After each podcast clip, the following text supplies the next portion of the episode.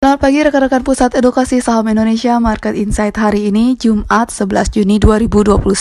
Diawali dengan berita yang dikutip dari kontan.co.id.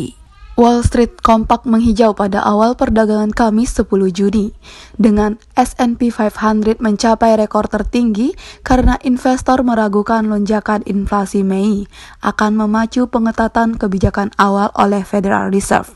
Mengutip Reuters, Kamis 10 Juni, pada pukul 9.48 waktu setempat, indeks Dow Jones Industrial Average naik 230,84 poin atau 0,67 persen ke level 34.677,98. Sedangkan S&P 500 naik 27,27 poin atau 0,65 persen ke level 4.246,82 dan Nasdaq Composite naik 109,64 poin atau 0,79 persen ke level 14.021,39. Departemen Tenaga Kerja mengatakan inflasi meningkat 0,6 persen pada Mei setelah melonjak 0,8 persen pada April. Dalam 12 bulan hingga Mei, CPI meningkat 5,0 persen dalam peningkatan tahunan terbesar sejak Agustus 2008. Lompatan sebagian mencerminkan penurunan pembacaan lemah musim semi lalu dari perhitungan. Apa yang disebut efek dasar ini diperkirakan akan turun pada bulan Juni. Kita beralih ke berita selanjutnya. Indeks harga saham gabungan IHSG ditutup menguat sebesar 60,06 poin atau 0,99 persen menuju level 6107,53 pada perdagangan hari Kamis 10 Juni 2021. Sepanjang perdagangan tersebut tercatat ada 267 saham menguat, 200 saham menurun, dan 177 saham ditutup tidak mengalami perubahan harga. Analis Panin Sekuritas William Hartanto mengatakan, IHSG berpotensi kembali menguat pada perdagangan akhir pekan Jumat 11 Juni 2021 kembali menghadapi resisten 6114. IHSG berpotensi mengalami profit taking, namun arah masih menguat. Jumat 11 Juni, IHSG berpotensi bergerak mix cenderung menguat dalam range 6000 hingga 6114, katanya dalam riset Kamis 10 Juni 2021. Adapun beberapa saham yang bisa dicermati pada perdagangan Jumat 11 Juni meliputi yaitu PT Bank Dinar Indonesia Tbk atau DNAR dengan volume profile itu berpotensi menguat menuju area resisten pada volume profile di area Rp344 sampai dengan Rp368. Rekomendasi yaitu sell on strength, support di Rp248 atau di Rp184, resisten di Rp344 hingga Rp368. Selanjutnya ada PT Era Jaya Swasembada Tbk atau ERAA dengan tren following itu melanjutkan penguatan setelah konfirmasi pola bullish flag pada 580. Indikator volume profile menunjukkan pembentukan support pada 580 hingga 610 rupiah. Rekomendasi yaitu spekulatif buy and hold selama harga bertahan di atas 580 dan take profit di harga 660 sampai dengan 700 rupiah. Support di 610 rupiah atau di 580 rupiah, resisten di 660 rupiah. Kemudian yang ketiga yaitu PT Perusahaan Gas Negara Tbk atau PGAS dengan chart pattern membentuk pola bullish morning star yang merupakan pola bullish. Terkonfirmasi apabila mampu menembus 1160 rupiah.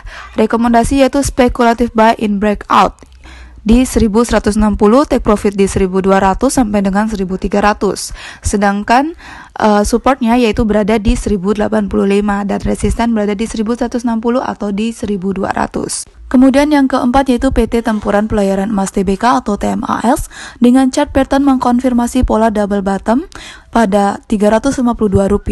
Estimasi target pada Rp430. Batasan terendah pola ini berada pada Rp276. Rekomendasi yaitu spekulatif buy and hold hanya selama harga bertahan di atas Rp276. Take profit pada Rp430. Berita selanjutnya, Bursa Efek Indonesia atau BEI tengah berkejaran dengan waktu untuk mengakomodir pencatatan saham startup skala unicorn hingga dekakorn. Fasilitator bursa saham ini bakal memodifikasi sejumlah peraturan, khususnya terkait kriteria papan pencatatan saham. Selama ini BEI memiliki tiga kategori papan pencatatan. Setiap papan memiliki kriteria masing-masing, mulai dari nilai aset berwujud atau tangible asset hingga profitabilitas perusahaan. Untuk pencatatan utama, BI mewajibkan calon perusahaan tercatat sudah membukukan laba usaha positif setidaknya selama satu tahun terakhir. Peraturan ini sudah tidak sesuai dengan karakteristik perusahaan yang terus berkembang belakangan ini, termasuk tidak terbatasnya pada tax companies. Terang Direktur Penilaian BII Gede Nyoman Yetna, Kamis 10 Juni 2021. Berita selanjutnya, PT Bumi Resource Tbk atau BUMI meraih penghargaan dari Indonesia Institute for Corporate Directorship atau IICD.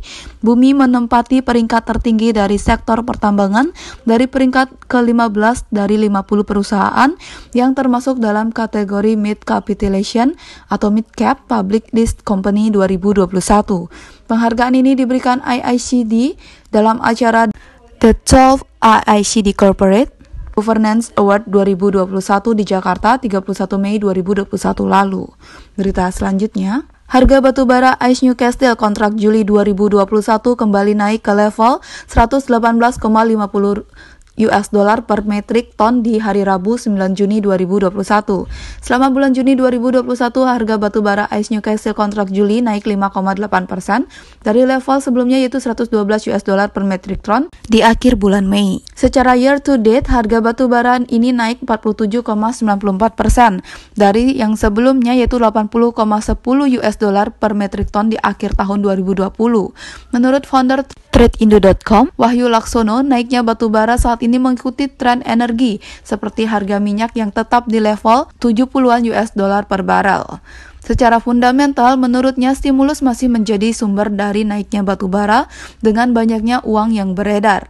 Selain itu, ia melihat bahwa permintaan yang kuat dari listrik di Cina ditambah dengan perlambatan produksi batubara lokal yang dikombinasikan dengan larangan impor batubara Australia menciptakan kondisi yang sempurna bagi batubara untuk terus naik.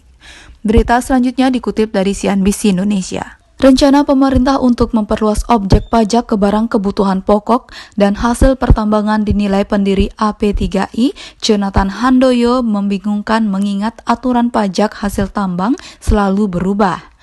Jonathan menyebutkan industri pemurnian sejak berproduksi telah membayar pajak, mulai dari pembelian bahan baku hingga dikenakan PPN kembali, maka akan memperberat bisnis.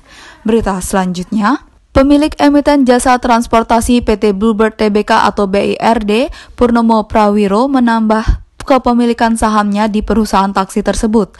Dalam laporan yang disampaikan kepada Bursa Efek Indonesia atau BEI, Purnomo tercatat melakukan pembelian saham sebanyak 1.626 1.700 saham BIRD pada periode 4 sampai dengan 8 Juni 2021.